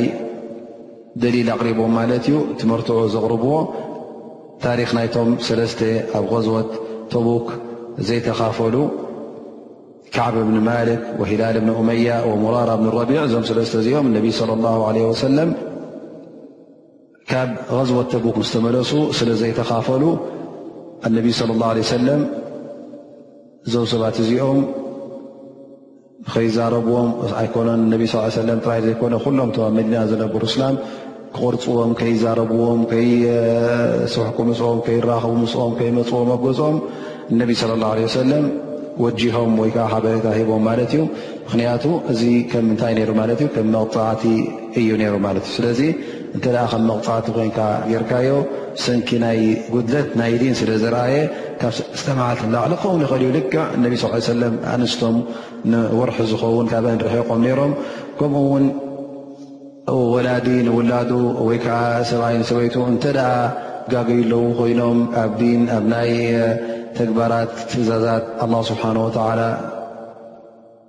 ካብኡ ጉድለት ይርኡ ማእስያ ገብሩ እተ ኣለዉ ኮይኖም እተ ኣቋሪፅዎም ማለት ኣነ ንከይተዓረኹም ከለኹም ሰላም ኣይብለኩምን እየ ኣይመፀኩምን እተ ኢልዎም ምእንቲ ንክምለሱ እዚ ኣብ ሸርዒ እስልምና ደሓን እዩ ምክንያቱ እቲ ቀንዲ ምእንቲ ናይ ዲን ስለ ዝኾነ ናይ ኣዱንያ ክኸውን ከሎ ዩ ደኣ እምበር ናይ ዲንሲ ይፍቀድ ማለት እዩ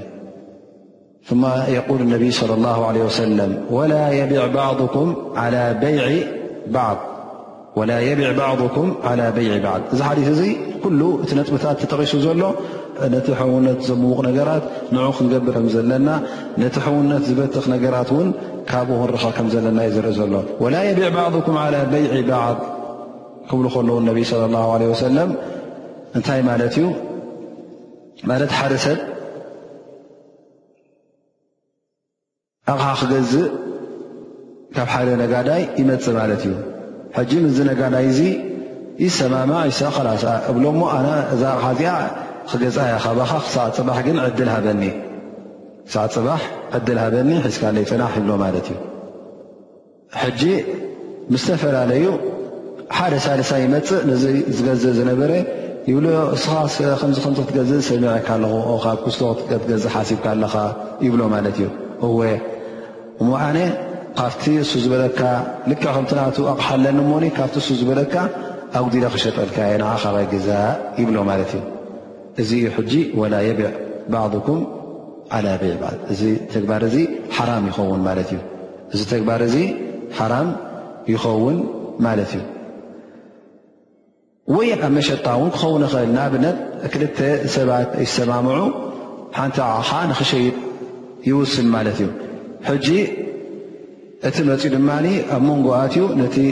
ነጋዳይ ነቲ ዝሸይጥ ዘሎ ከምዚ ከምዚ ብከምዚ ትሸጦ ኣለኻ ሰሚዐ ናብ ክስቶ እዎ እሞ ናብኡ ትሽጦ ኣነ ዝያዳ ክኸፍለካ እየ ኢሉ ኣብ መንጎ ክኣቱ እንከሎ መንጎ ዋጋ ዕዳጋ ኣትዩ ማለት እዩ ከምዚ ክርከብ እንከሎ እዚ ድማ ሕጂ ሓራም ይኸውን ማለት እዩ ስለዚ ኣብ ምግዛእ ይኹን ኣብ ምሻጥ ኣብ መንጎ ተዋገይቲ ክልተ ወይ ከዓ ኣብ መንጎ ክልተ ሰባት ገዛእን ሸያጥን ኣቲኻ ወይ ብሕሱር ክሸጠልካ ወይ ከዓ ብኽቡር ኣነ ገዝኣልካ ኢልካ ክትኣቱ ከለኻ እዚ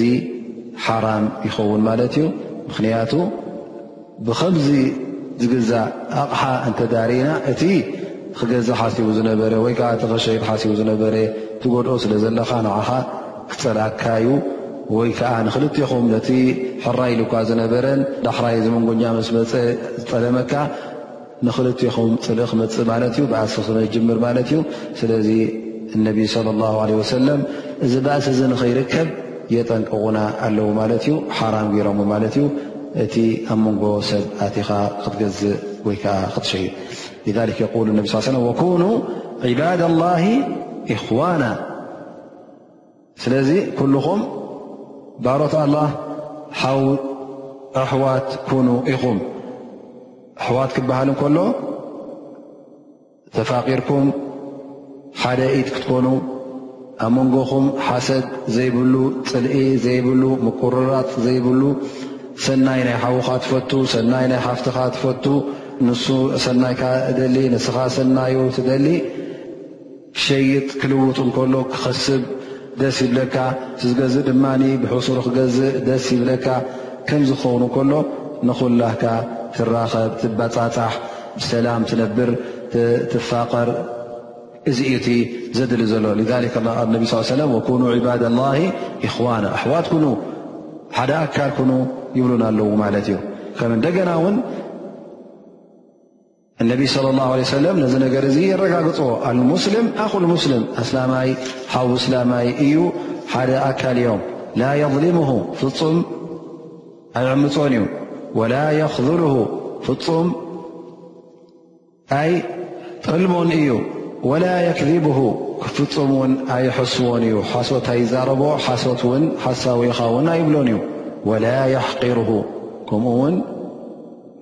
ብዓይኒ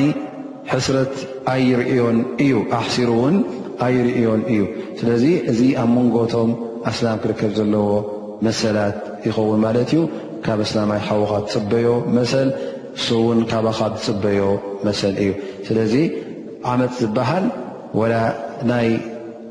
ምህራም ዓመፅ ክበሃል ከሎ ብ ሓፈሻዊ እዩ ኣብ ገንዘቡ ይኹን ኣብ ንብረቱ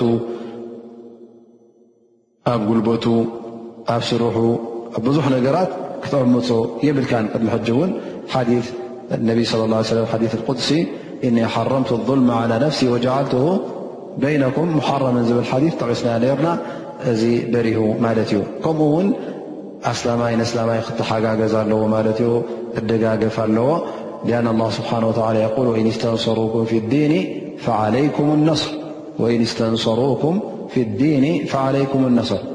ويقول رسول الله صلى الله عليه وسلم انصر أخاك ظالما أو مظلوما و عميخن ويون عميخنس دفئخا قالوا يا رسول الله هذا ننصره مظلوما فكيف ننصره ظالما قال تأخذ فوق يده ተኣክዙ ፈውቀ የደይ ያ ረሱላ ላህ እንተ ተዓሚፁስ ሕራይ ንሕግዞ ንድግፎ ካብቲ ዓማፂኡ ነናግፎ ግን ዓማፂ እንተ ኮይኑ ከመይ ጌርና ንድግፎ ያ ረሱላ ላ ኢሎም ይሓትማት ነቢ ስ ሰለም ደግፉ ክበሃል እንከሎ ኣብዚ እዋን እዚ ክዕምፅ እንተ ርእኻዮ ያዕ በሎ ኢኻ ትጋገ ኣለኻ በሎ ኢኻ ዓመፅ ኣይፍቀድን እዩ ሓራም እዩ ትብሎ ማለት እዩ ስለዚ ካብዚ ነገር እዚ ከተናግፎ ከለኻ ሓጊዝካዮ ማለት እዩ ምኽንያቱ ክዕምፅ እንከሎ እተ ዓሚፁ ዙሉም ዓመፅ እተ ገብር ኣሎ ኮይኑ ዘንቢኢ ትስከም ዘሎ ጌጋ እዩ ዝገብር ዘሎ ስለዚ እዚ ዘንቢ ኣብ ክንዲ ድስከም ንስኻ ተናግፎ ኣለኻ ማለት ተርሕቆ ኣለኻ ካብቲ ዓመፅ ካብቲ ዝም ፈነሰርተ ብሃደ ልጃንብ በዚ ወገን እዚ ሓጊዝካዮ ማለት እዩ እቲ ስድቅ ዝበሃል ወይ ከዓ ሓቂ ምዝራብ ሓቂ ክትነግሩ ሓቂ ከተስምዖ ኣለካ ማለት እዩ እዚ መሰሉ እዩ ንዝኾነ ይኹን ኣስላማይ ሓቂ ከተስምዖ ሓቂ እውን ካባኻ ንኽሰምዕ ንስኻ ውን ሓቁ ንኽትሰምዕ ከምኡ ውን እታ መጨረሻ ነጥቢ ዘላ ብዛዕባ ናይ ኣስላማይ ንኣስላማይ ከቃልሎ ከም ዘይብሉ ኩሉ ግዜ ክብረቱ ክሕልወሉ ከም ዘለዎ ምኽንያቱ ንኣስላማይ ብዓይኒ ሕስረት ክትሪኦ እንከለኻ እዚ ዓቢ ዘንቢ ማለት እዩ በል ነቢ صለ ላه ለ ሰለም ኣብዚ ሓዲስ እዚ ብሓስቢ እምርእ ምና ሸሪ ኣን የሕቅረ ኣኻሁ ሙስልም ኢሎም ማለት ይኣኽሎ ንወዲ ሰብ እከይ ተእከይ ሓንቲ ዝገብራ እዚኣ እኽልቲ እያ ማለት እንተ ንዓ ገይሩ ዓባይ ዘንቢ ኮይና ማለት እዩ እሱ ከዓ ኣን የሕቅረ ኣኻሁ ሙስልም ሓው ስላማይ ብዓይኒ ሕስረት ክርእ ከሎ እዚ እኹል ዘይጉዱል ዘንቢ ይኸውን ማለት እዩ ምክንያቱ እተ ተሕስሮን ተዋርዶን ኣለኻ ወይ ከዓ ብዓይኒ ሕስረት ትሪዮ ኣለኻ እተ ኮንካ ነቲ ሓውኻ ነስኻ ኣልዒልካ ትርኢ ኣለኻ ማለት እዩ ወይ ውን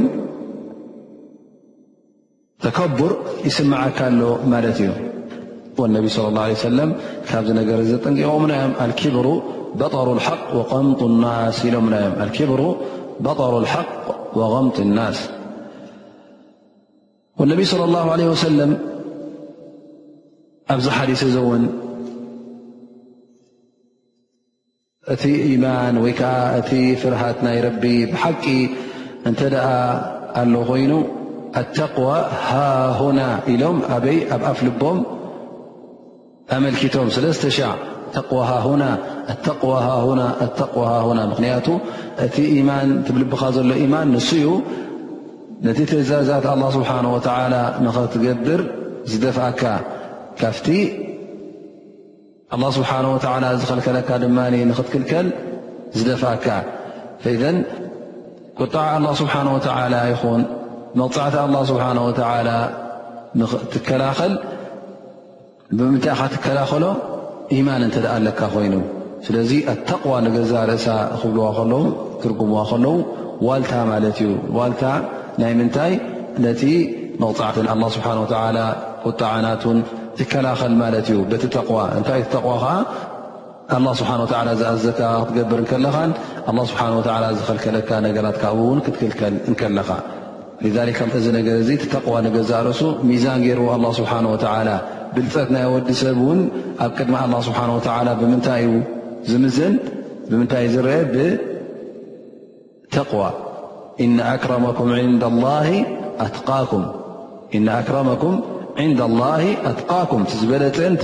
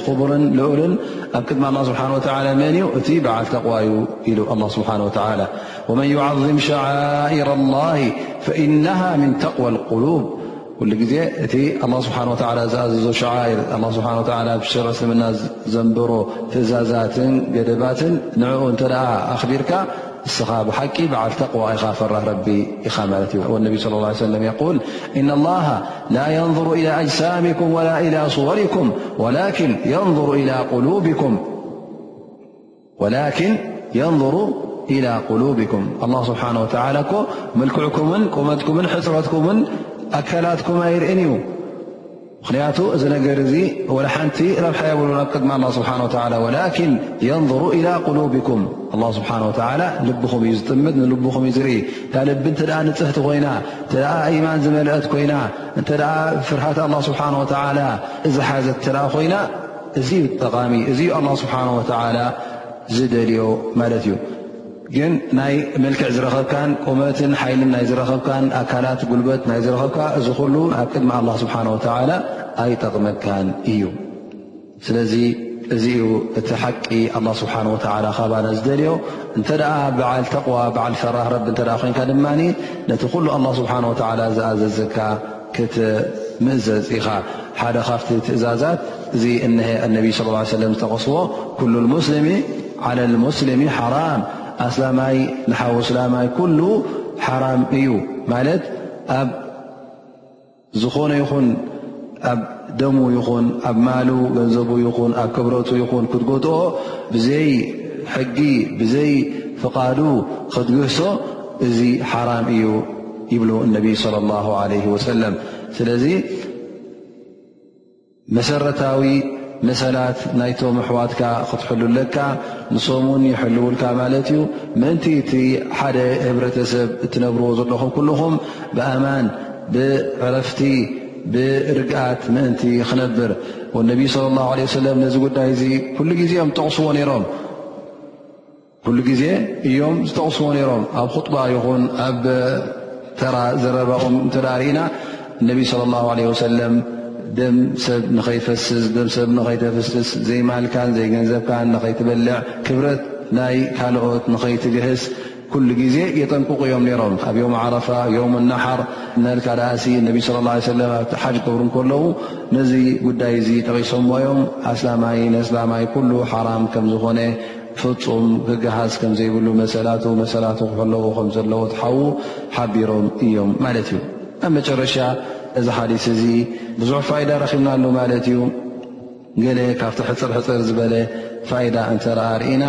ኣብዚ ሓዲስ እዚ እንታይ ንረክብ ልቢ ወይ ከዓ እቲ ቦታ ናይ ኢማን ኣብ ልብኻ ክሳዕ ክንደይ ዓብዪ ኣገዳስነት ከም ዘለዎ ይበርሃልና ማለት እዩ። ምኽንያቱ እቲ ፈለግ ናይ ኢማን ፈለግ ናይ ፍርሃት ረቢ ኣብኡ ስለ ዘሎ ከምኡ ውን ዕቅን ናይ ወዲ ሰብ ሚዛን ናይ ወዲ ሰብ ኣብ ቅድሚ ኣላ ስብሓን ወተላ ብምንታይ እዩ በቲ ተቕዋ በቲ ፍርሃት ኣላ በቲ ኢማን ናቱ ኢዳ እምበር ካልእ ነገር ከም ዘይጠቕቦ እስልምና ድማ ኣብዚ ሓዲስ እዚ ከም ዝረኣናዮ ሓደ ሸነኽ ዝሓዘ ኣይኮነን። እስልምና ዓቂዳ፣ እምነት፣ እዩ። እስልምና ዒባዳ፣ ኣምልኾት፣ እዩ። እስልምና ኣኽላቕ፣ ስነ ምግባር፣ እዩ። እስልምና ውን ሙዓመላ እዩ ማለት ነንሕድሕድካ ትራኸበሉን ነንሕድሕድካ ውን ትለዋወጠሉን ስለ ዝኾነ እስልምና ንገዛእ ርእሱ ነዚ ኩሉ ነገራት ስርዓት ገይርሉ እዩ ሰሪዕዎ እዩ። እስልምና ነቲ ሕማቕ ጠባያት ነቲ ክፍኣት ተግባር ኣብ እቲ ህብረተሰብ ናይ ምኑቛትን ናይ ዘይምቅርዳውን ሃዋሁ ክፈጥር ስለ ዝኽእል እዚ ነገር እዚ ኣላ ስብሓን ወተዓላ ብደንቢ ሓሪምዎ እዩ ኣብቲ እስልምና ድማ ብደንቢ ኩልኩልን ሓራምን እዩ ኣብ ኣዱንያን ኣብ ኣኼራን ድማ መቕፃዕቲ ከም ዘጓንፍ እነሀ እቲ ሓዲት እነቢ ስ ሰለም ይኹን ኣያት ቁርን ይኹን ኩሉ ሓቢሩ እዩ ናይ ሎሚ ደርስና በዚ ይድምደም